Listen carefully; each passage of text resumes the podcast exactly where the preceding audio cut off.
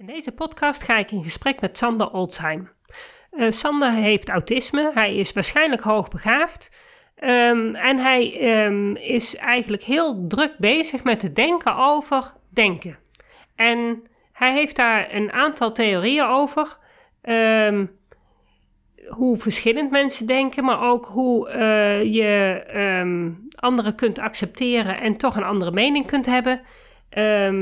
We hebben, gooien Harry Potter er nog even in en we betrekken eigenlijk het hele beelddenken en taaldenken op het bestaande onderwijssysteem. En hoe dat past en niet past en waardoor dat dus niet past.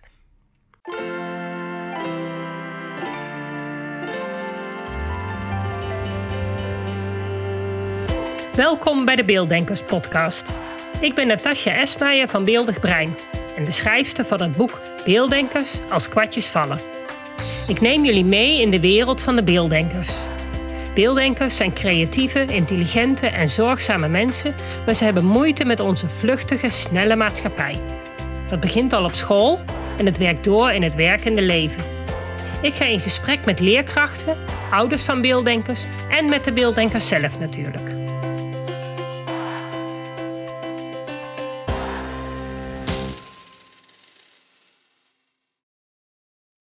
Welkom allemaal bij een nieuwe Beelddenkers podcast. Ik zit hier vandaag met Sander. En Sander zit gezellig bij mij in de praktijk. Uh, we hebben elkaar een paar weken geleden tijdens onze open dag uh, van het beelddenkende brein uh, ontmoet. Dus nou ja, je had een paar interessante vragen.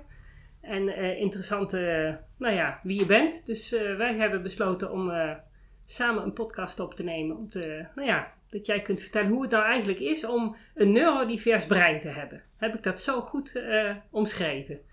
Uh, ja, dat denk ik wel. Ik ben daar wel nu, uh, sinds dat ik daar bij de open dag aanwezig was geweest, ben ik daar wat meer aan, aan het onderzoeken wat het allemaal betekent. Ja. Zou jij jezelf even willen voorstellen wie je bent, hoe oud je bent, waar je vandaan komt? nou, ze weten mijn naam, Sander. Ik ben 29 jaar. En ik uh, woon nu in Doetinchem. En uh, ja. Wat doe jij in het dagelijks leven? Um, ik ben zelf bezig met ook het opzetten van een, een podcast. Oké, okay, wat leuk. Dus die heet op dit moment Vrijzinnig Kompas. Vrijzinnig Kompas. Nou, dan heb je bij deze waarschijnlijk wel weer een paar nieuwe luisteraars. Ja, we zijn nog aan het opstarten. Dus de eerste aflevering zijn we een beetje aan het maken. En aan het uh, een beetje fine-tunen, bewerken. En uh, dat, uh, nou, dat gaat gaandeweg steeds beter. Oké, en waar gaat, waar, waar, waar, gaat jouw podcast straks over? Wat is het centrale onderwerp? Um, dat, nou ja, omdat hij, het zit hem eigenlijk een beetje al in de naam, hè? vrijzinnig. Dus dat betekent dat je gewoon over, gewoon een beetje vrij kan kunnen nadenken over de onderwerpen. Maar de onderwerpen waar ik het dan over wil hebben zijn wel vaak maatschappelijk uh, gerelateerd. Oké. Past het ook een beetje bij hoe jij uh, denkt? Ja, dat We hebben hier natuurlijk de Beelddenkers podcast. En ik ken jij natuurlijk een klein beetje van een paar weken geleden. Uh, jouw jouw brein functioneert niet zoals een standaard brein. Kun je daar iets meer over vertellen? Hoe jij denkt en hoe dat bij jou gaat? Ja, het, uh, normaal gesproken denk ik gewoon dat het, hoe ik denk, dat dat gewoon normaal is. Maar als ik er eens even goed over nadenk, dan, dan merk ik dat ik toch de dingen anders doe dan anderen. Mhm. Ik ben bijvoorbeeld heel erg uh, gedetailleerd. Uh, ik kan heel goed analyseren. En ik probeer ook op verschillende manieren eigenlijk ook uh, um, over bepaalde problemen of onderwerpen na te denken. En dat, uh, nou, dat is soms ook wel vermoeiend hoor. Ja, daar kan ik me iets bij voorstellen. Ja. En begrijpen mensen jou dan altijd als jij uh, met ze in gesprek bent en je iets gaat uitleggen? Oh, vaak wel. Als ik gewoon, gewoon, gewoon normale taal spreek, zeg maar. Maar als ik er heel erg verder op inga, dan raken ze op dat moment de draad kwijt wat ik uh, daadwerkelijk mee probeer te zeggen. Dat is soms wel, uh, soms wel lastig, maar dat, uh, als ik gewoon rustig normaal, ja, wat is normaal hè? Maar, ja, nee, je kan gewoon normaal communiceren met mensen. Ja. Als jij eh, met een onderwerp bezig bent eh, dat je wil uitleggen, dan, eh, dan wil het nog wel eens eh, dat mensen jou niet helemaal kunnen volgen. Komt het omdat jij dan ehm, eh, heel diep erop ingaat? Of omdat jij zelf nog een beetje zoekende bent van, en eigenlijk aan het onderzoeken bent wat je nou eigenlijk precies bedoelt? Nou, Ik ga vaak inderdaad eh, wat dieper over de onderwerpen in.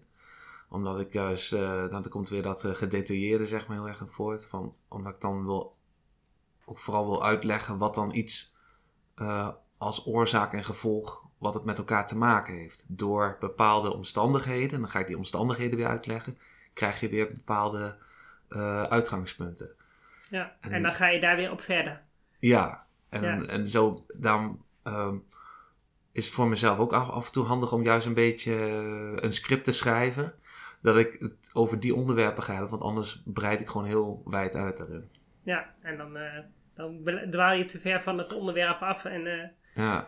Ja. Nou, voor mijzelf is dat niet zo erg, maar voor de, de luisteraars bijvoorbeeld, die vinden het dan wel altijd wel prettig als ze een beetje een samenhangend verhaal hebben. ja, het is altijd wel fijn dat je weet waar het heen gaat. Dat merk ik bij mezelf. Ik ben natuurlijk een taaldenker. Ik wil graag van tevoren weten eh, waar ik heen ga. Ik hoef de stapjes niet te weten, want die ga je mij vertellen. Maar ik wil wel weten waar ik uiteindelijk eh, terecht kom. Want anders dan, dan raak je mij inderdaad ook kwijt. Mhm. Ja. Ehm, nou ja, wat, wat, wat denk jij zelf? Want ehm, nou ja, we hebben natuurlijk net even voorgesprek gehad. Je hebt een aantal labeltjes. Toch? Eh, ja, zo ben ik eh, gestempeld, zeg maar. je bent gestempeld. Ehm, eh, wil je vertellen wat voor stempels je hebt gekregen van de maatschappij? Ehm, ja, dat kan wel. Ik ben gediagnosticeerd met autisme. Ja. Dus dat ik wat moeite heb ook met eh, bepaalde dingen van leren. Mhm. Heeft dat met autisme te maken? Leer en autisme? Ehm, het kan zijn dat het met de manier van denken, dat het me op sommige vlakken wat meer eh, blokkeert, zeg maar. En dat ik daar dan eh, minder goed ehm, kan leren. Dus ik heb bijvoorbeeld moeite met Nederlands. Ja. Maar met, met andere dingen zoals creativiteit of juist eh, out of the box denken, Hmm. ben ik echt eh, geniaal bij wijze van spreken. Ja. Want niemand doet Ehm, mij daarin na. Dan ben ik natuurlijk de advocaat van de duivel. Eh, dat heeft natuurlijk helemaal niks met autisme te maken. Hè? Dat is gewoon puur eh, beelddenken. Oké. Alleen, dat autisme van jou, dat kan er prima zijn. Maar dat autisme, dat is een stuk sociaal, ehm, een ander denkproces. Autisme is echt dat je ehm, eh, vanuit de, vanaf je allereerste begin, hè, dat je ontwikkeling al ehm, eh, begint met cognitieve ontwikkeling en die sociale ontwikkeling komt later. Dus eh, dat cognitieve is het denken eh, en dus alles beredeneren, dat, dat staat voorop. Vandaar ook dat Nederlands, een taal, een taal kun je niet beredeneren. Een taal gaat op gevoel. Een totaal, taal leer je op een sociale manier door te doen. En door al die verschillende nuances aan te voelen. Als je autisme hebt, is het heel lastig om die nuances te begrijpen. Want die moet je allemaal kunnen beredeneren. En er zijn geen regels voor. Dus dat is het verschil. Ondertussen ben je ook een beelddenker, denk ik. En dat maakt dat jij dat gevoel wel hebt. Maar, en jouw sociale ontwikkeling die is natuurlijk uiteindelijk wel eh, op gang gekomen. Alleen op een ander moment dan dat het bij de meeste mensen gaat. Iemand zonder autisme die begint met sociale ontwikkeling. En die leert op een sociale manier door het na te doen. Terwijl iemand met autisme die begint echt met dat beredeneren. Dus die wil overal een regeltje voor. Oké, Dat is nogal een verschil. oké. Ja, Ja. ja, dat vind ik wel interessant. ehm, want dan heb je over het sociale aspect net. Mhm. En dat is juist, ik heb daar vroeger wel eh, wat extra handvaten bij gehad. Zoals dan heb je zo'n eh, zo'n cursus waarbij je wat, wat makkelijker met elkaar eh, ja, kennis maakt en een gesprek met elkaar aangaat. Ehm, maar dat met dat sociale, daar heb ik eigenlijk helemaal niet zo heel erg last van. Omdat ik dat van jongs af aan, is er namelijk iets gebeurd in mijn leven, waardoor ik daar eh, minder last van heb. Weet je ook wat er gebeurd is? Uh, ik denk, en dat is, weet ik bijna 100% zeker, is dat het voor, voor mij toen ik heel veel scholenwissels heb gehad. Ja. Dus op de ehm, eind, eind, van de basisschool en middelbare school eh, heb ik gewoon onwijs veel scholenwissels gehad.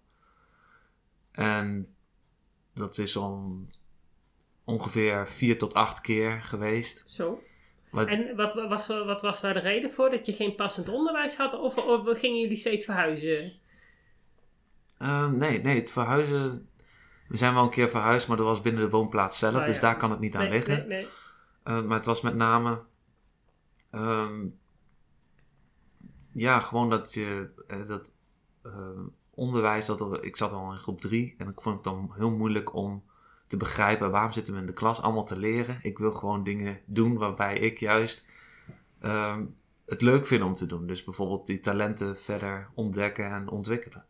Dat is wat mijn eh, visie meer was. Ehm, en dat, eh, ik snapte dat nooit. Dus, dus ik kon me niet zo goed gedragen, zeg maar, al in groep 3. Nee, dus nee, nee. vandaar dat ze ook al en- vroeg die eh, diagnose en hadden. denk je dat dat puur het autisme was? Of zou het ook kunnen zijn dat er een stukje hoogbegaafdheid in zit dat meespeelt? Dus een, een echt een snelle, eh, snel denkproces en, en dieper nadenken.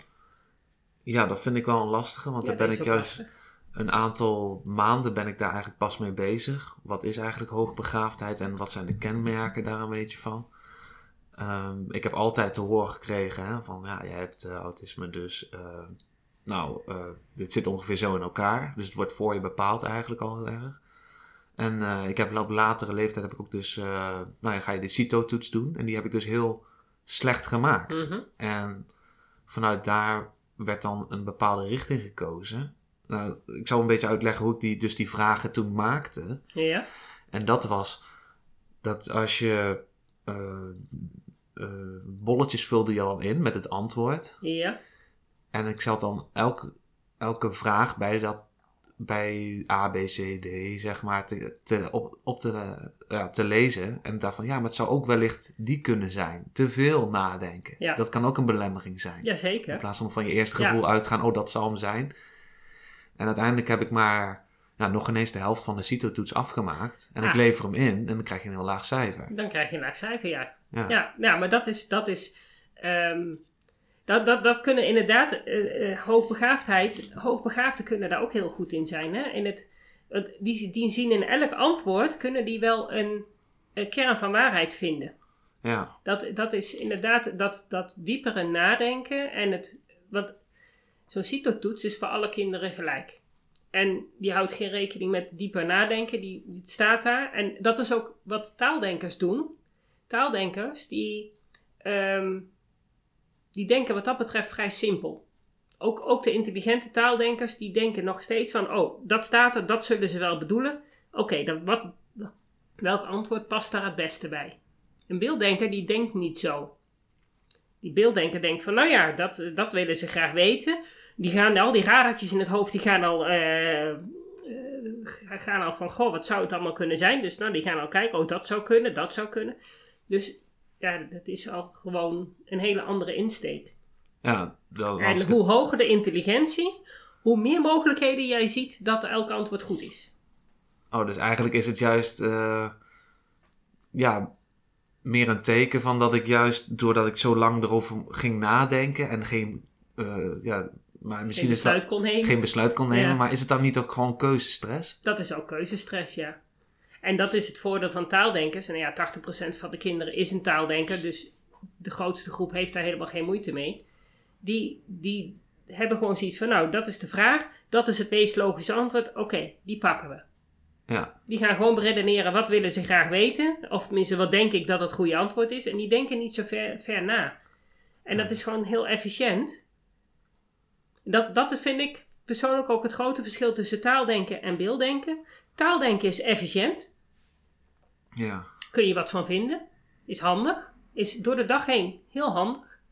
Beelddenken is veel eh, gevoeliger, maar ook veel ehm, complexer en veel meer rekening houden met wat er nog meer aan de hand zou kunnen zijn. ja, En dat is in het dagelijks leven niet zo handig. maar is natuurlijk wel beter voor de maatschappij. Als jij goed nadenkt over wat het, het, het beste antwoord is, zo, en dus niet gaat zoeken van, nou, wat is hier het, eh, het antwoord het meest, wat, wat ze waarschijnlijk zoeken, dat is efficiënt. Maar wat is het beste antwoord? Ja, dat is uiteindelijk beter. Oké. Alleen in die CITO-toets kun je best zo'n efficiënt antwoord geven. Want dat is het enige wat ze bij de CITO-toets vragen is eh, reproductie van wat jij geleerd hebt. Ja, en als je dan eh, kan opschrijven hoe kom je aan het antwoord en dan bij elk A, B, C, D had ik dan misschien die Oh, zin ja. opgeschreven. Ja.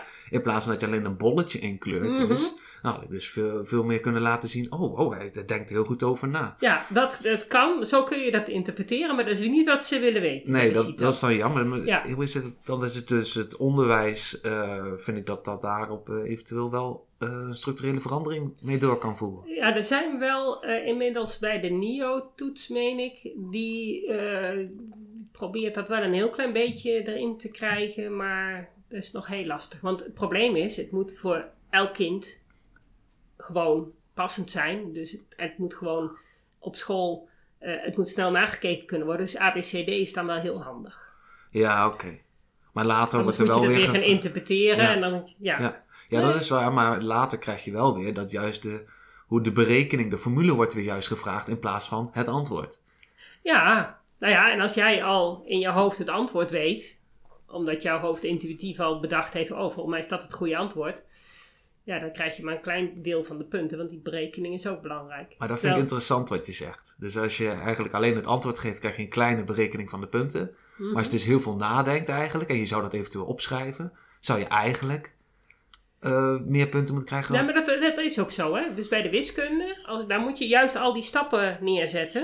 En dan krijg je voor de stappen ook punten. Ja, Want dan krijg je ook punten voor het stuk wat je al wel goed hebt. ja. Stel dat je ergens een foutje maakt, dan krijg je het laatste stuk krijg je geen punten. Maar het eerste stuk krijg je nog wel punten. Ah, maar dat vind ik heel interessant, want ik heb toen een keer, ehm, toen in groep 8, of in de, in de eerste klas zeg maar, heb ik een, eh, een eh, zo'n kangeroe wiskundewedstrijd gedaan. Ja, En daar dacht ik van, nou, ik doe gewoon gezellig eraan mee, want met bepaalde klasgenootjes. Nou, uiteindelijk had ik maar ook de helft weer van die toets Ja. afgemaakt. Maar toen ging ik denken, met, eh, waar ik dus heel blijkbaar heel goed in ben, en de, eh, op, de, op een andere manier. Dus ik ging kijken hoeveel punten krijg je als je een antwoord goed hebt en hoeveel punten gaan er af als je een an- antwoord fout hebt.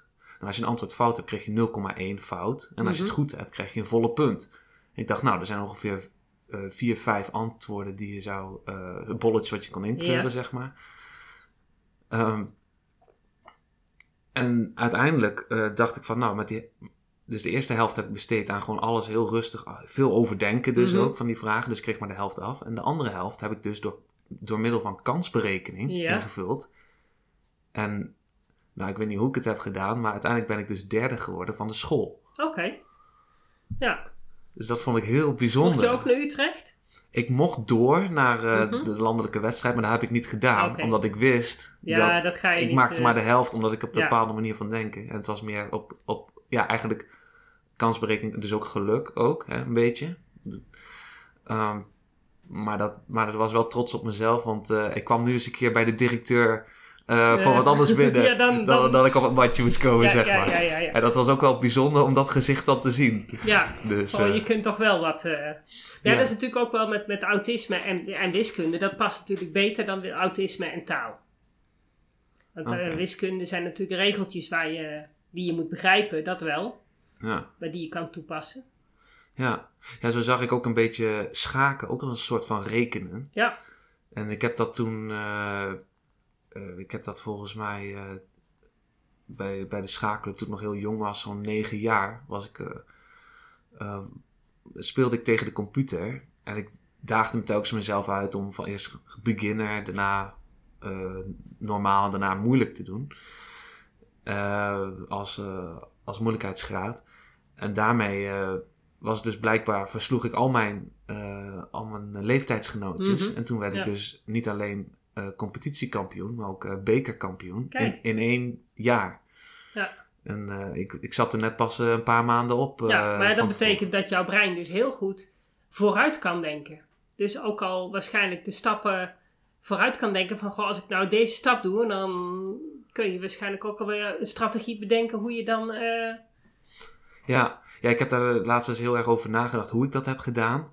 En dat was met name, vond ik het heel erg leuk om eh, stukken van de tegenstander te pinnen, zeg maar. Dus wat ik daarmee bedoel, is eh, aan te vallen. Dat, dat, je, dat als ik hem een, een, een paard of een pion of een loper zo zet, dat, die, dat het stuk dan geslagen kan worden. ja, ja. Maar dat deed ik dan eh, met nog één en nog één. En dan gewoon soms wel drie keer op dezelfde stuk. En dan moet die persoon dus ook drie keer verdedigen, want anders Mm. raakt hij een extra stuk Ja, ja, kwijt. En vaak is het zo dat hij dan uiteindelijk dan niet meer na drie, na vier keer. Nou ja, die komt, die komt zo dadelijk. Dus, dus, dus omdat ik dan. Maar dan begin ik te slaan en dan slaat hij mij. Dan Mhm. sla, sla ik weer een stuk daar, slaat hij weer mij. Maar uiteindelijk het laatste stuk wat ik dan sla, kan hij niet terugslaan. Is er een heel veld leeggeruimd. En dan staat zijn koning best wel vrij, omdat het hele veld is leeggeruimd. Dus ik verlies uiteindelijk van de eh, drie, vier stukken, verlies ik er dan drie. Maar die andere verliest er dan Vier. eh vier, om maar zo te zeggen. En ik hou dus ook nog eens eh, eh, eentje over. Ehm, of ja, of, je- ja, je moet het ook zo zien. Stel als ik er drie had geslagen en ik hou er zelf ook drie over, dan had het ook gekund. Omdat dan mijn stuk staat dan, en ik kan niet terug aangevallen worden, heel in de buurt van de koning. En als ik hem dan schaak zet, kan ik gelijk weer een ander stuk pakken. En dan zit je achter zijn verdedigingslinie, Ja, ja, jongens, en dan kan hij helemaal vrij weinig doen. Dus dat, eh, ja, zo heb ik dat dan veel gedaan. En mensen, omdat ik zo vaak ging aanvallen, gingen ze alleen maar letten op hun verdediging. En durfden hadden ze geen eens tijd om zelf, omdat ik het zo moeilijk maakte voor hen, Mhm. hadden ze geen eens tijd om zelf eh, aan te vallen. Waardoor ik juist lekker mijn gang kon blijven gaan. Ja, ja, en dat, want als een kettingreactie bleef dat zo doorgaan. En zo heb ik eigenlijk dat hele jaar. eh, Ja, maar goed, het betekent wel dat je dus die strategie zelf al bedacht hebt. En betekent dus ook dat je wel kunt inschatten van, nou, ik moet dus dat en dat en dat doen. Want dan gaat het, eh, je moet ze dan nog wel strategisch neerzetten. Ja, dat is waar. Ik, ik was, wat ik wel merkte is dat ik niet zo heel goed was in de endgame. Dus een koning schaakmat zetten vond Mhm. ik altijd moeilijker dan zoveel mogelijk stukken van hem afpakken. Ja, ja, ja. Dus ja iedereen moet zijn- belemmeringen ja, hebben. dus, dus daar, eh, dus daar eh, merkte ik dus als, als je met de, met de klok speelt met schaken, dat ik dat wel toch wel moeilijk vond. Ja. Omdat dan, eh, omdat ik juist gewend was om lekker veel over het schaakbord te bewegen. In plaats van gelijk misschien in één keer uit een onverwachte zet schaakmat te zetten. Ja, ja. Als, soms zag ik dat ook wel hoor, maar dat vond ik moeilijker dan, dan een normale wat ik Ja. deed. ja, ja, ja. Leuk. Maar het is toch wel een stukje, die, die, die intelligentie van jou ligt niet heel laag, denk ik. Want dan red je dat niet op negenjarige leeftijd. Eh, nee, en, Complexe denken. en, en, en dat zei mijn moeder er ook van, eh nou Sander die kan veel meer dan wat er daadwerkelijk toen uit die CITO-toets kwam. ja, Want het was rond diezelfde tijd, eh, denk ik. En, maar het heeft ook wel te maken dat ik gewoon echt eh, lekker comfortabel in, een, een gezellige moed, eh, positieve bui moet blijven zitten. Dus een soort flow, Ja, zeg maar. ja, wil je... Want anders wordt dat ook, eh, wat ik wel merk, dat dan, de anders heeft het, is het moeilijk om dat vol te houden, maar zo Ja. te zeggen. En als jij op school zat, had je dan ook last van eh, medeleerlingen, eh, het sociale contact, of ging, ging dat op zich wel goed? Ja, je hebt meerdere scholen gehad, scholenwissels gehad. Hoe, eh, hoe ging dat sociaal? Daar heb jij geleerd hoe jij sociaal eh, met mensen om moest gaan, zei jij. Ehm, ja, dus met name omdat je dan weer opnieuw contacten moet maken. Mhm. En doordat je dan opnieuw contact moet gaan maken. ehm, als je elk jaar zeg maar weer een nieuw schooljaar hebt en je zit weer in een andere klas. eh, dan, eh, maar dit is dat je naar een andere school zelfs toe gaat. Ja, dan heb je andere leerlingen. En ook andere leerkrachten. Ja. Dus je moet sneller jezelf kunnen aanpassen. Dus sneller kunnen schakelen. Mhm. En soms wat barrières tussenuit halen. En sneller eh, naar iemand toe lopen en kennis maken. Ja. Als je dat pas na een paar maanden doet, of weken, ja, dan Ja, vaak nee, dat al de- die groep die is al een groep en jij komt er als buitenstaander binnen. Ja, dus je hebt Ja. eigenlijk al een kleine achterstand. Dus, je, dus je gaat er al een beetje in proberen te compenseren. Om toch er, nou ja, jongs af aan, hè, dan ben je Ja. daar misschien een beetje gevoelig voor. Om toch mee te kunnen doen Ja. met je klasgenoot, zoals je het over had. Hè, van de sociale interactie met de anderen. Ehm, ja, dan moet je er toch eh, iets eh, in de creatief eh, verzinnen om toch eh, gezellig mee te kunnen doen. Ja, en merkte jij toen al dat je, daar, dat, je dat moeilijk vond? Of, eh, heb- of vond je dat eigenlijk, ging dat jou wel makkelijk af? Nou, ik heb erg geluk gehad dat ik daar vroeger in mijn jonge jaren hadden mijn ouders me op zo'n cursus eh, gezet om, om makkelijke gesprekken te kunnen hebben met anderen, kennis maken. Dus dat zal wellicht hebben geholpen. Ja, dus je had gewoon de tools om dat te doen. Ja, en uiteindelijk word je er ook steeds beter in. Hè? Ja, het is, eh, uiteindelijk was het van, oh ja, ik weer, weer, weer op een nieuwe plek. En dan is het van, eh, nou, iedereen maakt gewoon kennis met je. En je doet gewoon eh, mee. Je denkt niet zoveel aan van, oh, zullen ze dit wel? Nee, en Eh, andere kinderen denken ja. dat ook vaak helemaal niet. Nee, Die dus, zijn eh, er helemaal niet mee bezig. nee, dus je kunt gewoon lekker gezellig meedoen. En eh, vooral met de pauzes praatjes ma of praatje maken met Mhm. iemand. Nou, Ja. wellicht is dat wel een van de redenen waarom ik zo goed ook eh, leuk vind om een podcast te maken met allemaal verschillende zeker. mensen. Dus dat werpt dan ook weer zijn vrucht aan. Ja, zeker. Ehm, even kijken. Eh, waar zullen we het nog meer eens over hebben? Want jij had het over ehm, een, een defini- definitie van jezelf ontwikkelen. Daar wilde jij het ook graag over hebben. Ja, dat is een beetje een, eh, een moeilijk eh, woord. Of een moeilijke zin, omdat ehm, je, als je je wilt ontwikkelen, dat kun je op verschillende manieren doen, zeg Mhm. maar. Je kunt eh, door middel van in de praktijk bezig zijn, maar je hebt ook bijvoorbeeld een theorie. Eh, vaak is het een combinatie van beide. Maar je kunt ook eventueel door bijvoorbeeld eh, video's te kijken op internet. Om bepaalde dingen, als je je verder wil ontwikkelen in een bepaald eh, vakgebied. Of, of je gaat bijvoorbeeld een boek lezen, dat kan ook. Ja.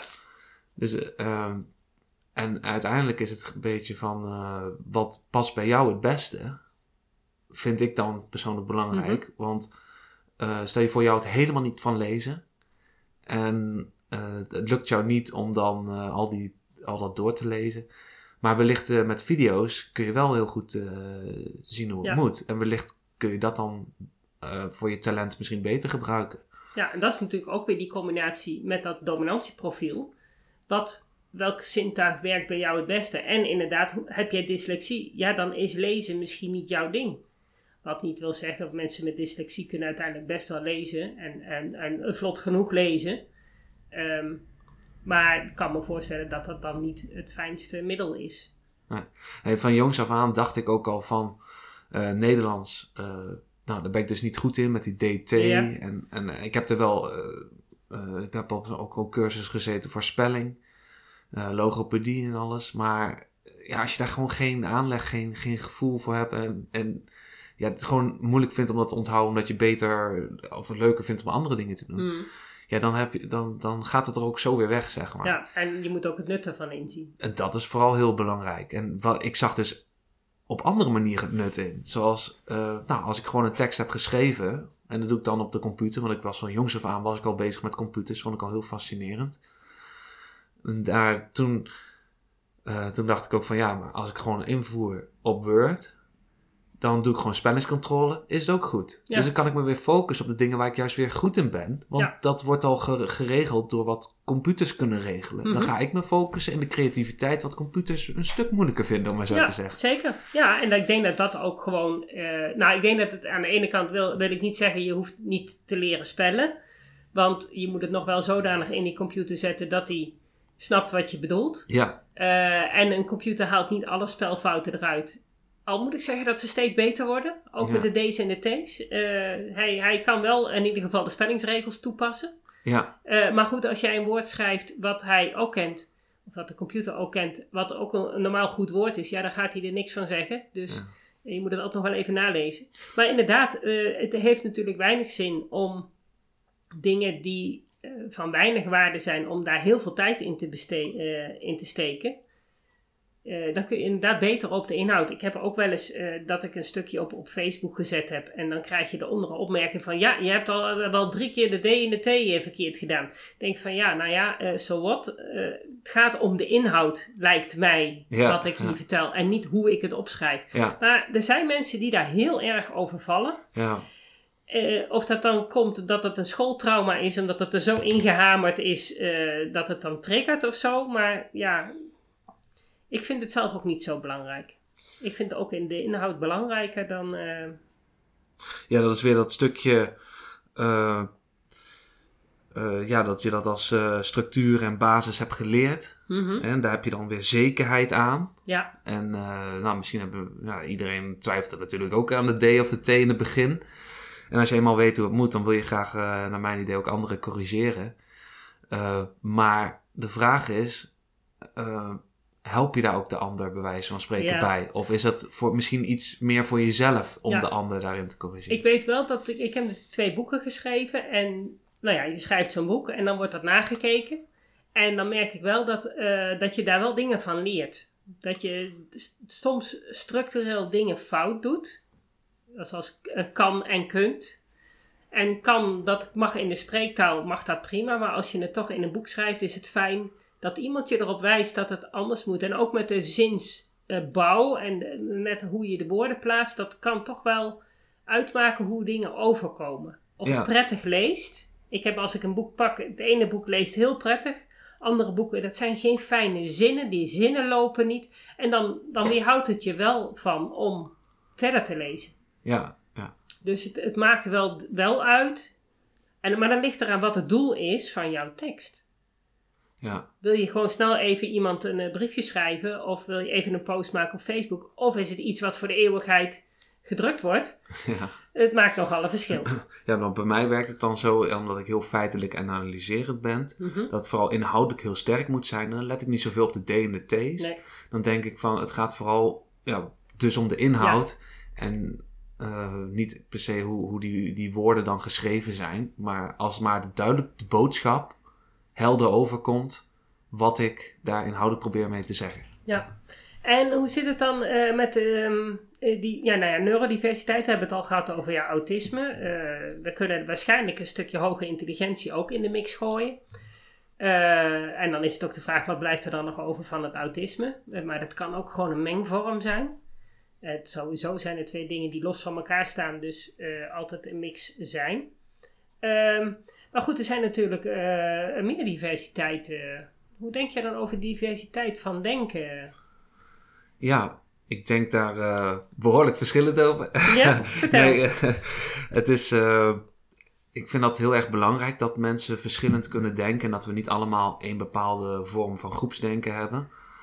Omdat juist door, ehm, door verschillend tegen bijvoorbeeld problemen bijvoorbeeld aan te kijken, dan krijg je ook verschillende oplossingen. Hmm. Dus eh, nou, een, vo- een voorbeeld bijvoorbeeld voor, voor in de maatschappij is dat we bijvoorbeeld vers- verschillende vormen van energie hebben. Ja, En dat eh, de, de een op een andere manier duurzaam is dan de ander. En, al, en, en ze vullen elkaar aan, om Ja. maar zo te zeggen. Want de ene eh, om, is, is niet 24 uur beschikbaar, maar de ander weer wel. Mhm. Dus eh, in dat soort opzichten vind ik dat heel interessant. En doordat je juist eh, eh, niet alleen verschillend denken is dus heel erg belangrijk, maar ook de ruimte krijgen om verschillend te denken. Ik denk dat nog, dat is wel een van de onderdelen waarbij het echt wel eh, nog in ieder geval beter kan. ja, nou als we dan heel even terughaken naar dat onderwijs. We hebben één manier van onderwijs geven. één manier van lesmethodes. Dat is natuurlijk ook al niet een manier dat, dat je dus anders mag denken. Ja. En, en juist die creativiteit die je dus met dat anders denken bereikt of nodig hebt, ja, die, die wordt in het onderwijs zo ongeveer eruit ge- gefilterd. Want ja, nou ja, net wat jij zegt met je CITO, eh, ik eh, ging het op een andere manier invullen, maar het wordt wel op één manier nagekeken. Ja. Ja. en dan val je door de mand. Ben je dan minder goed? Nou nee, eigenlijk niet. Alleen het systeem accepteert het niet. Nee, en ik, daarom heb ik, doe ik nog eh, veel onderzoek naar hoe dat zo zit met andere vormen van onderwijs, dus van Mhm. scholing. En dan zie ik bijvoorbeeld ook eh, vormen als van eh, de vrije school, eh, de, de, de Waldorfscholen in Nederland, van, van op de, de, de theorie van Rudolf Steiner. Ja, En dat, nou, dat vind ik dus heel interessant. Dat in ieder geval ook andere scholen, dat wist ik eerst niet, terwijl ik al heel veel scholen bij Ja. geweest, kun je nagaan. Maar dat vind ik dus heel interessant, omdat die mensen dus op een hele andere manier leren. Ja, maar toch, de heel veel vrije scholen zijn ook wel weer, die doen, pakken toch ook wel weer de standaard lesmethodes. Ja, en ik heb En dat daar ook jammer. al, heb ik ook al over nagedacht. En dat is wellicht omdat er een steeds hogere druk komt, ook op leerkrachten. En dat zie je ook vaak als er te veel spanning en te veel eh, eh, moeite. ja, school staat onder druk, hè, het Mhm. onderwijs. Dan zie je dat, me, dat het toch wel weer grijpen naar iets wat meer houvast en zekerheid, misschien structuur biedt. En dan, en dan, ja, dus daar gaat eigenlijk naar mijn idee ook een beetje de kwaliteit van verloren op die Ja, manier. nou is ook de, de eisen die vanuit de regering gesteld worden natuurlijk. ja, terwijl ik zou eh, zeggen, we moeten ja. juist meer vrijheid in onderwijs ja. krijgen. Ja, je hebt natuurlijk nou tegenwoordig dat Agora-onderwijs. Dat probeert het echt wel op een hele andere manier te doen. Dus dat is al wel, eh, en het democratische onderwijs. Je hebt heel veel verschillende, je hebt ook privéscholen. Die dan, ja, die, die doen het ook echt helemaal anders. En je merkt dat dat inderdaad voor heel veel, zeker voor de beelddenkers, echt veel passender is. Kinderen gewoon die creativiteit kunnen ontwikkelen. En, Ja. en, maar ja, dan nog hebben, zitten ze toch weer vast aan het feit dat ze het staatsexamen moeten doen. Of in ieder geval, eh, in ieder geval als wil je een diploma halen, ja, Ja. zul je toch bepaalde eh, kennis moeten krijgen. En, Ja. Maar ja, dat kun je wel op verschillende manieren bij een kind binnenbrengen. En Precies. wat, wat, wat moet je eigenlijk leren op de lagere school? Ja, lezen, rekenen en schrijven. Nou, daar heb je geen acht jaar voor tijd voor nodig. Nou, moet een kind natuurlijk ontwikkelen en kan je niet in groep drie al zeggen, nou, we gaan het schrijven even in één keer afhandelen. Zo werkt dat niet. Ehm, maar je hebt natuurlijk al die tijd, je hebt echt niet zo lang nodig als dat ze er nu voor nemen. Ja. Dus er is veel meer ruimte als je het anders in zou delen. ja, en ik heb ook eh, afgelopen jaren heb ik heel erg gedacht van, eh, nou we hebben tij- de coronatijd gehad en Mm. tijdens die crisis heb ik heel veel tijd gehad om, om te kunnen nadenken over van ja, wat, hoe, hoe wil ik ook verder gaan.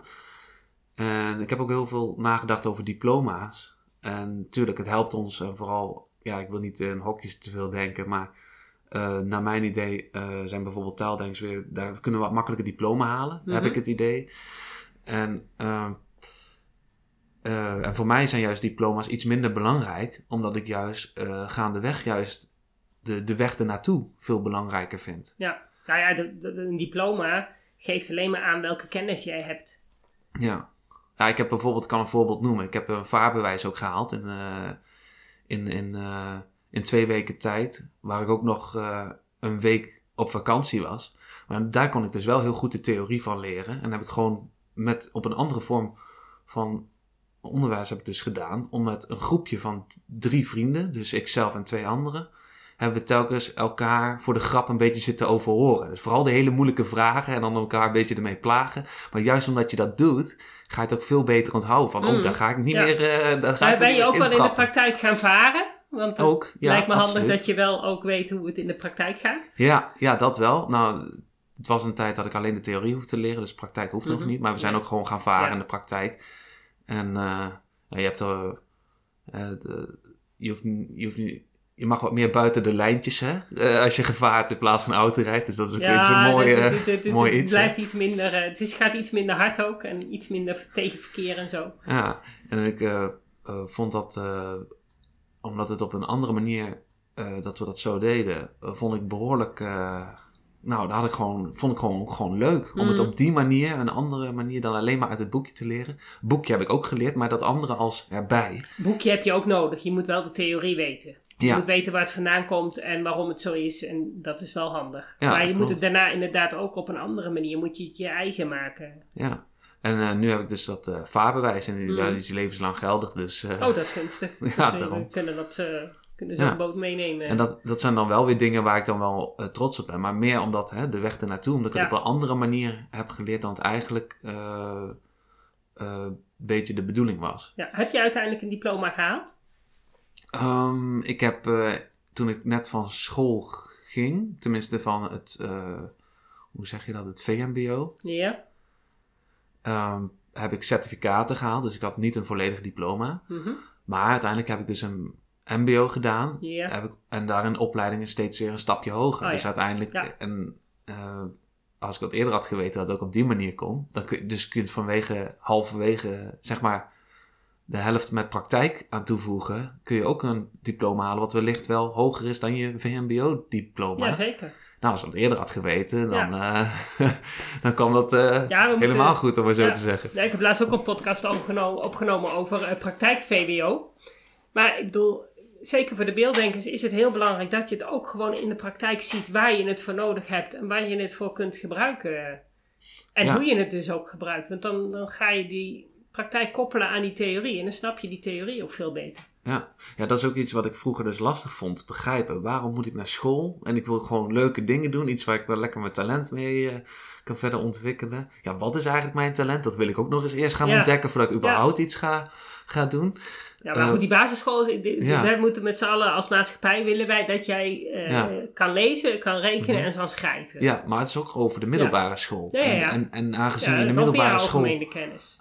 aan het einde daarvan al wordt bepaald van, van eh, ja, je ga, welk, welke vervolgopleiding wil je gaan doen? Nou, daar was, daar was ik helemaal niet mee bezig. Ik was Nee. puur bezig om, om dat diploma te halen.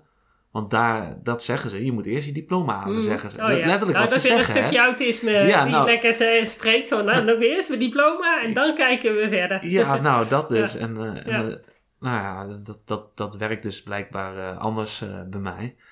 En en daarom vind ik het ook heel goed dat er hè, op jonge leeftijd wordt er dan een soort van roefeldag georganiseerd. Dat je kan kijken bij bedrijfjes Mhm. of bij eh, winkels hoe ze daar te werk gaan. Ja, en dat klopt. je zelfs, eh, nou ja, dat je dan eh, de, de inpakwijze van een eh, cadeautje inpakken, dat je dat ook even een keer mee mag doen, bij wijze van spreken. Eh, vind ik heel interessant, want daardoor leer je al juist van tevoren om alvast verder te kijken van wat je eventueel Ja. wil gaan doen. Ja. En ik denk dat dat ook in de toekomst ook handiger is, dat we daar meer gebruik van gaan maken. Is ook wel wat, eh, wat ehm, die, die insteek is er ook wel. Het wordt er, ik weet niet in hoeverre, het wordt ook wel uitgevoerd hoor. Ook eh, bijvoorbeeld VWO-leerlingen die net even een stapje meer willen, die mogen vaak ook al projecten voor het bedrijfsleven doen. En, dus er- zijn wel mogelijkheden. Alleen dat is nog wel beperkt tot hele selectieve leerlingen die dan nou ja, over hebben, laat maar zeggen. Ja. Eh, of de VMBO-leerlingen, want die hebben natuurlijk heel veel praktijk. Mhm. Dus ja, die, die krijgen ook al eh, een stuk mee van, nou ja, hoe doe je dat dan in de praktijk? En dat is ook wel belangrijk inderdaad. Oké. Ja. Ja. Ehm, even kijken, want we- we dwalen natuurlijk weer helemaal af. Ehm, want, eh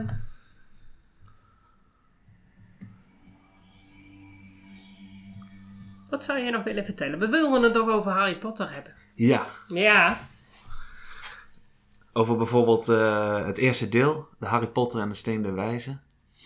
Je hebt het laatste eh, de film ervan bekeken. Of Voor de, nou misschien wel de tiende keer. Maar omdat het zo'n, eh, het is eigenlijk een jeugdfilm eh, Mhm. voor mij. Omdat eh, eh, van jongs af aan, hè, de, wellicht kennen mensen ook de Nimbus 2000. Eh, ja, de- ja, ja, ik heb hem als surprise ooit gehad. De Oh. Nimbus 2000. Wat leuk. Ja, En, en, eh, nou, dat was ongeveer eh, ook het jaartal wa- wanneer de, ongeveer de film werd ge- eh, gepubliceerd, rond die tijd. En dat, eh, ehm, maar vooral, ja, dat je bijvoorbeeld eh, ehm, bij de sorteerhoed verschillende namen hebt, zoals Gryffindor en, en, en de andere namen van de groepen die er zijn. Ja. Eh, dat die allemaal verschillende eigenschappen hebben, dat die daar al een beetje wordt eh voorgesorteerd. Oftewel, ja. sorteerhoed. hè? ja, ja, ja. Nou ja, dat zou, in het onderwijs zouden we dat ook moeten hebben. Zouden we ook een sorteerhoed moeten hebben. Dat zou wel grappig Dat zijn. zou wel ja. grappig zijn. Want dan Ja. heb je juist wel, dan kun je, nou, jij bent een taaldenker, jij bent, en jij bent goed in, in, in talen, oké. Je bent- Je bent een taaldenker, je bent goed in wiskunde. Je bent een eh, beelddenker, je bent goed eh, in talen. En je bent een beelddenker, je bent goed in wiskunde. eh, van, Ja. eh. Ja, ik dan vind worden, hem eigenlijk helemaal niet eens zo gek. dat bedenken we, ja, het is goed dat je het erover hebt, want ik bedenk me dat ook ter plekke. Dat eigenlijk, dan ga je eigenlijk meer vanuit iemands talent uit, Juist, dan dat je gelijk al iemand vastpint van, hé, jullie gaan allemaal hetzelfde traject volgen. ja. Oh, Uiteindelijk moeten ze natuurlijk wel hetzelfde, dezelfde kennis krijgen. Alleen de manier waarop, hoe je daar komt, kan dan anders zijn. Ja, Ik denk ook niet dat je ze helemaal, de beelddenkers en de taaldenkers, uit elkaar moet halen. Want ik denk ook dat het goed is dat ze van elkaar leren. Maar goed, op Zwijnstein zitten ze ook wel allemaal bij elkaar op school. En ze hebben natuurlijk ook met twee, twee klassen, of met twee groepen, hebben samen les. Dus dan kom je toch wel weer dat je elkaar tegenkomt. ja, dat is toch wel goed, vind Ja, ik. En, en ja, je ziet ook het, eh, in, in deel 2 zie je ook het uh, duelleren. Mhm. duelleren. En, Ja. en, en met zwerkbal heb je weer die competitiegerichtheid. Ja. Eh, competitie, eh, de ene vindt het niet goed omdat je juist een beetje, nou ja, laten we zeggen, het werkt anders. Omdat je een soort, hè, dat groepjesdenken juist Mhm. versterkt. Hè, Ja. door het, Ja. doordat je zegt, hup, uh, Gryffindor. Ja, maar je bent natuurlijk ook wel bezig met je talenten te ontwikkelen. Ja, Doordat dat ook. Doordat je, juist, doordat je juist samen met je groep iets wil bereiken, Mhm. ga je ook meer samenwerken binnen Ja. de groep. Omdat dat met, eh, nou ja, je, je ziet het al, hè, in een stad of dorp. Een dorp kun je veel makkelijker met elkaar eh, bekend raken dan, dan in een stad. Dus in een kleine groepje kun je veel makkelijker eh, even een keer spreken met elkaar en Ja. je ideeën te vertellen. En, Je wordt ook beter van elkaar natuurlijk. ja, absoluut. De ene die wil, misschien- is misschien heel goed in een, eh, een leidersrol. Eigenlijk zou iedereen Mhm. dat een beetje moeten proberen. Dat zie je ook bij het leger, gebeurt dat ook.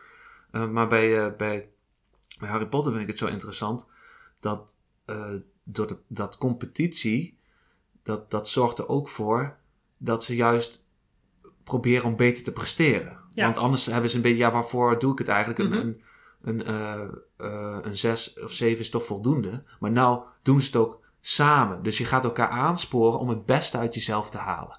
En dat is ook uiteindelijk wat ik met dat vaarbewijs dus ook eh, heb gedaan. Omdat je het samen doet, ga je niet individueel, maar juist meer samen, Mhm. ga je het beste uit elkaar naar boven halen. En dat is wat er, waardoor uiteindelijk toch, toch beter wordt. Dus, dus er zit een soort. Eh, dus eigenlijk zijn er twee, be- beetje twee verschillende dingen. Dat is samenwerken en competitieverband. Ja, en maar, dan- maar die twee versterken elkaar eigenlijk. Zeker. Ik denk ook als je in het onderwijs, en dat is ook een brainstorm die nou bij mij opkomt, als je in het onderwijs gezamenlijk zou zeggen, nou jongens, we gaan nu de breuken leren. Ik zeg maar wat, dat is op lagere school, maar goed, vooruit. We gaan ehm, de tangens, sinus, cosinus regel. Alsjeblieft, als groep, zoek het maar uit. Hier heb je theorie, hier heb je, ga met z'n allen maar zorgen. En dan maak je vier groepen in de klas. En dan gaan we straks een wedstrijd, wie kan het het makkelijkst? En dan ga je met, als groep ga je gewoon kijken van, nou, hoe kunnen we dit aanvliegen? En dan zorg je dat iedereen het begrijpt. Ja.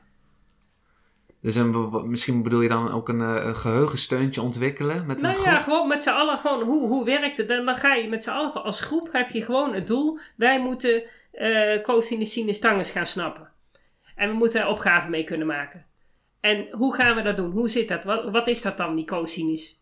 Hoe zit het? Wat, wat is dat voor een ding? Wat, wat moet ik me erbij voorstellen? Want het is allemaal nog nieuw voor ze. Ja. Maar als je dat als groep gaat uitzoeken, dan ga je brainstormen en iedereen heeft weer andere ideeën. En samen kom je er wel uit wat het is. ja, dat vind ik heel interessant wat je zegt. Want dat doet me gelijk denken, want eh, ik heb ook op de scouting gezeten. Mhm. En daar eh, gebeurt dat ook, dat je eigenlijk met een groepje op pad gaat. En de ene is misschien wat beter in kaart lezen. En de andere is weer eh, bijvoorbeeld, wellicht is hij wat sterker. Omdat hij niet zo, eh, omdat zijn bouw gewoon wat Mhm. beter is. En die kan weer misschien heel goed hout verzamelen. En, en als je daarin dus, eh, dan zie je dat als je groepje, kun je dan heel goed samenwerken. Om uiteindelijk ook de doelen te bereiken. Niet iedereen is overal even goed in, om maar Nee. zo te zeggen. Maar dat hoeft ook niet. Maar samen kom je wel verder dan in je eentje. Maar degene die dus ergens niet goed in is, die kan wel bij de ander afkijken hoe die het doet. Dus uiteindelijk bereik je met z'n allen dat het eh, klaar is, maar dat ook iedereen eh, eh, gegroeid is in datgene waar die goed in is, maar ook mee heeft gekregen hoe een ander dingen oplost, waardoor die daar ook weer van leert. Ja, dan kijk je in het denkproces van de ander. Juist, want Waardoor- dat heb je nodig. Ja, want dan, dan heb je de verschillende lijntjes en dan, en dan probeer je daar een beetje, als je dat ziet, hé, hey, zo werkt het wel. Of Zo kan het ook. zo kan het ook inderdaad. ja. ja. Ja, want ik, ik- als je dan toch weer terughaalt naar dat schoolsysteem. Eh, taaldenkers en beelddenkers. Kijk, je wordt als taaldenker geboren of je wordt als beelddenker geboren. Maar als jij ontwikkelt, dan jou, je hebt wel een compleet brein. Dus die andere vaardigheden, ja, die zul je ook moeten ontwikkelen. Want als jij in het dagelijks leven kom je allerlei problemen tegen. En die kun je niet maar op één manier oplossen. Daar heb je meerdere denkstrategieën voor nodig. ja. Dus je moet toch van elkaar leren hoe het ook anders kan. Ja, want er zijn meerdere wegen, zeggen ze wel eens, hè? En, en welke is de beste? Ja, dat weet je niet. Ja. Dat kan op meerdere manieren kun je ergens komen. Ja. En daar had ik dus ook al heel veel over nagedacht. Mhm. De ene weg kan heel erg eh, hobbelig zijn. En de andere weg kan juist heel erg stijl zijn. Ja. Maar ja, Hobbelig is niet fijn, stijl is ook niet fijn. nee, maar uiteindelijk... eh, en dan, dan is eigenlijk de kunst van, ook al zijn ze beide niet fijn, welke zijn van die twee dan misschien de makkelijkste? Of, Hoe kun je ervoor zorgen dat je die hobbelige weg kunt nemen? En hoe kun je ervoor zorgen dat je die steile weg en kunt er is nou nemen? eigenlijk nog een derde variant, out of the box denken dus, Mm. van het padje afgaan, noem ik het voor ja, de ja, grap. ja, ja, daaromheen. En, dan, en dan ontdek je misschien een nieuwe weg, Mm. die, die, die je denkt van, nou, we maken er wel een tunnel eh, door de bergen heen, om ja, zo te dat zeggen. vind ik een hele goeie. Is misschien wel één keer veel werk, Hmm. maar daarna bespaart het een heel hoop gedoe Ja. voor jaren te gaan, Ja, zeg maar. ja want, want dat is wel wat, het, wat er vaak gebeurt, is dat er bepaalde protocollen, een bepaald stappenplan is, waardoor er gezegd wordt, oh, dat probleem, oh, dat gaan we zo doen. Maar er wordt er niet meer nagedacht of het misschien op een hele andere manier zou kunnen. Terwijl je eigenlijk steeds tegen dezelfde problemen aanloopt. Ja. Maar ja, zo is het nu eenmaal. Ja, als je out of the box kunt denken, kun je Ja. ook eens een keer zeggen. Nou, ik heb ooit bij een, eh, een wasserij gewerkt in de technische dienst. En wij waren met z'n tweeën.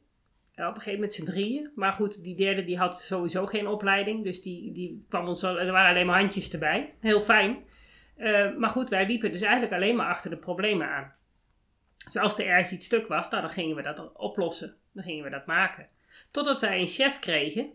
Met natuurlijk heel veel ervaring. Ik, wou, ik, ik had natuurlijk ook niet heel veel ervaring. Zeker niet in een wasserij. Dus ehm, eh, mijn collega had wel iets meer ervaring. Maar goed, die, die chef die had heel veel ervaring. Plus hij was extra. Dus wat deed die man? Als er dus ergens weer eh, drie keer iets fout was gelopen. Dan ging hij kijken hoe hij het structureel kon aanpakken. Zodat het helemaal niet meer fout ging. Ja. Kijk, en dan. En die man kon inderdaad ook heel goed out of the box denken. Mhm. En dan heb je dat het probleem gewoon opgelost is. Dat probleem kwam gewoon niet meer voor. Ja. Dat is toch heel veel fijner dan dat je elke keer maar weer eh, met je klauwtjes in die hete dingen moest gaan. eh. Ja, ik vind Problemen een, een, een heel mooi voorbeeld die je noemt. Ik noem mezelf dan ook af en toe wel een, een revolutionaire vrijdenker. Dus, en dat probeer ik me te zeggen. Revolutionair staat voor structureel verandering. Mm.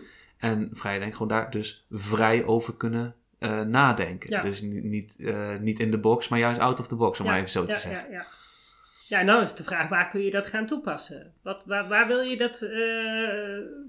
wat, wat, welk systeem? Het onderwijssysteem? Of heb je nog Ja. andere dingen dat je op Ja. stapel hebt staan? Ik heb, eh, nou dus met de podcast zou ik dat bijvoorbeeld Mm. kunnen doen. Maar ik heb ook gekeken, eh, de politiek lijkt me ook erg leuk. Oké, Eh, er is nog een vacature voor premier. Oh, die. Nee.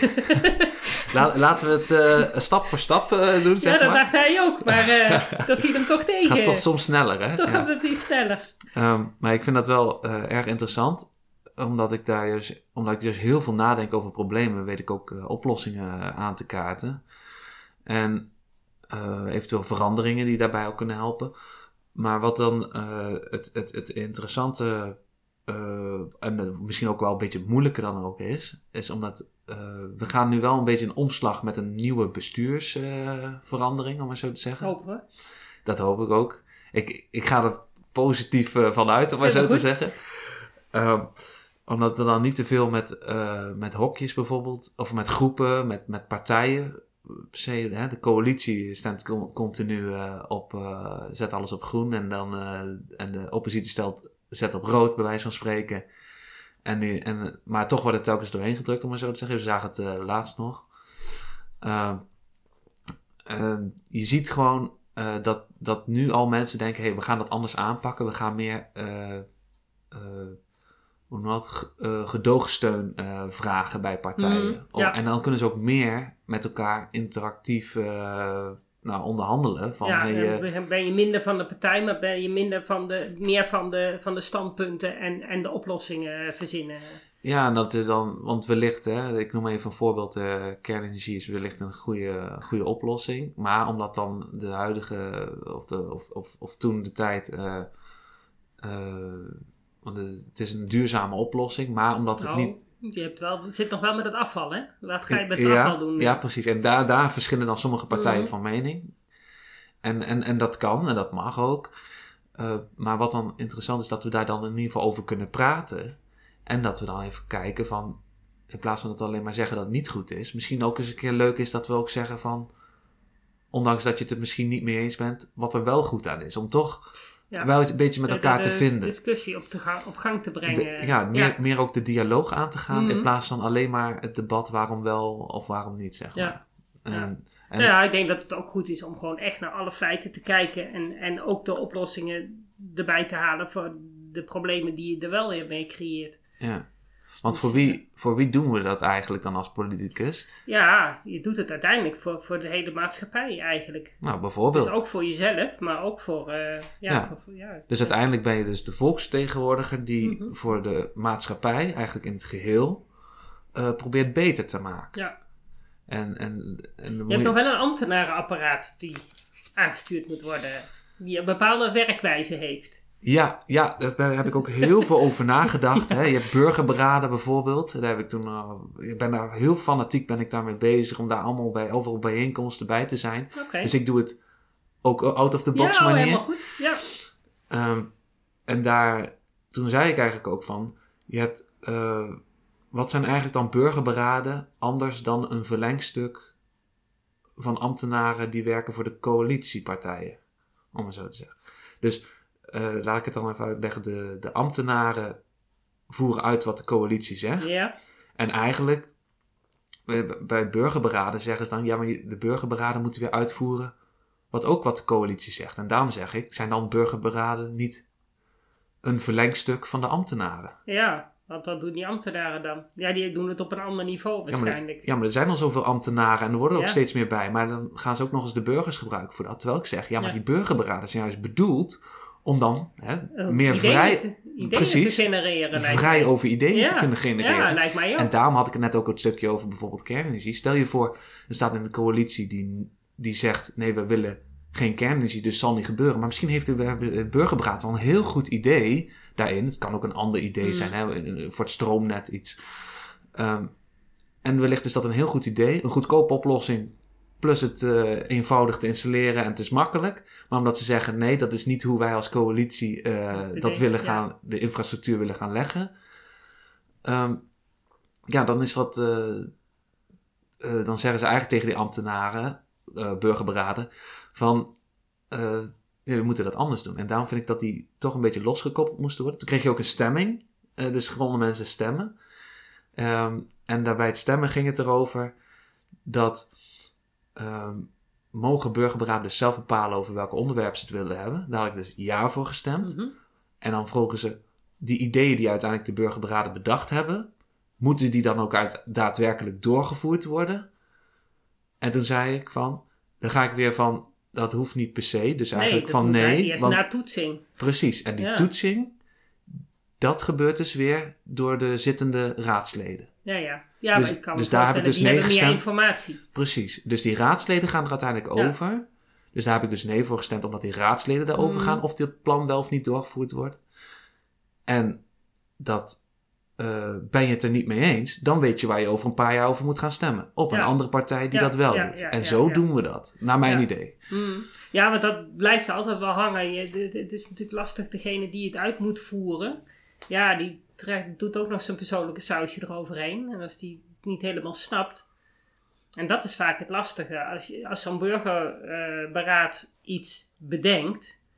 eh, dan zijn zij daar met z'n allen bij betrokken geweest. Die hebben dat hele gedachteproces doorlopen. En dan leggen ze datgene wat eruit komt op het bordje van iemand anders. Maar die is niet bij dat proces betrokken geweest. Dus die weet niet alle voor's en aan alle afwegingen die er gemaakt zijn. Ja, Waardoor die dus eigenlijk heel blanco gaat kijken van nou, is dit een goed voorstel? oh ja, ja. Dus dat is natuurlijk ook nog wel een dingetje. En die zit ook weer in een andere groep van Ja. zijn eigen partij, om maar zo Mhm, te zeggen. En die heeft andere belangen en andere mogelijkheden. En vaak zijn dan de mogelijkheden heel beperkt. Ja, Eh, als ik met, met, met, met gemeentes praat over be- begeleiding van, eh, van, van klanten, dan zijn ze aan de ene kant heel enthousiast van ja, goed, dat moet je gaan doen. En vervolgens zeggen ze ja, je krijgt één uur in de week. ja nou precies. En dan heb ik Ja. zoiets van ja, dat gaat dus niet. En daarom wat, wat ik dus probeer te doen, en dat is eigenlijk veel eh, moeilijker, dat noem ik ook wel een grensverleggend ondernemen. Hmm. Dan ga je dus op een andere manier te werk. En dat, dat is voor mij, eh, dat is best wel eh, intensief, zeg maar. En dan moet ik ook voor mezelf bepaalde, toch, toch bepaalde kaders stellen. Eh, zodat ik niet te veel over alles ga hebben. Ja, ja, ja. Maar als ik me daarop ga focussen en ik ga toch, stel je voor, eh, wat meer met dat burgerberaad. Stel je voor, ga als raadslid er gewoon een keer bij zitten om te kijken hoe dat gaat. Uh, dan hoef je niet per se erop in te spreken. Maar je kunt in ieder geval op de tribune zitten om even te kijken. Ik denk dat het goed is om het dat gesprek je... mee te krijgen. Ja, en als, je, als je daar als wethouder of, of eh, als raadslid heel veel mee, eh, uiteindelijk mee van doen krijgt. Van ja, we moeten dit oplossen. Nou, dan moet je ook wel een beetje commitment tonen. Net zoals dat die burgerberaden commitment to- tonen om ook problemen op te lossen. Ik denk dat het goed is als het burgerberaad weet hoe het vervolg gaat. Dus als zij een voorstel hebben hoe dat daar in die, bij die wethouders, hoe dat verder gaat. Als ze dat proces weten, dan kunnen ze ook hun voorstel daarop aanpassen. Kunnen ze ook zorgen dat ze het voorstel zodanig inkleden dat ze dat dus dat dat binnen dat proces past, zodanig dat ze dus kunnen manipuleren hoe dat proces gaat, zodanig ze genoeg informatie hebben ook. Ja, en wellicht als ze dan al. eh, het liefste laat ik het proces lekker op zijn vrije beloop gaan. Maar als ze dan zeggen van.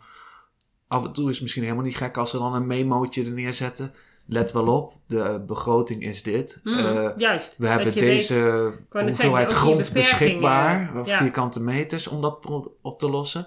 Dat, je, ja, dat ze dan wel een beetje weten van, oh, om het plan te laten slagen, Mm. krijgen we af en toe een memootje van. Ja, eh, dat we daar een beetje aan moeten houden, De beperkende informatie, want ja, daar, daar moet die wethouder ook aan voldoen. Ja, nou, dat is wel interessant.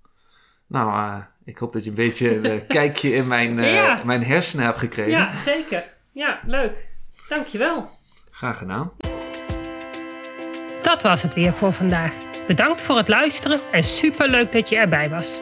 Ik hoop dat je weer een beetje meer ontdekt hebt hoe gaaf, maar ook hoe lastig het kan zijn om een beelddenker te zijn in een wereld die is ingericht voor taaldenkers.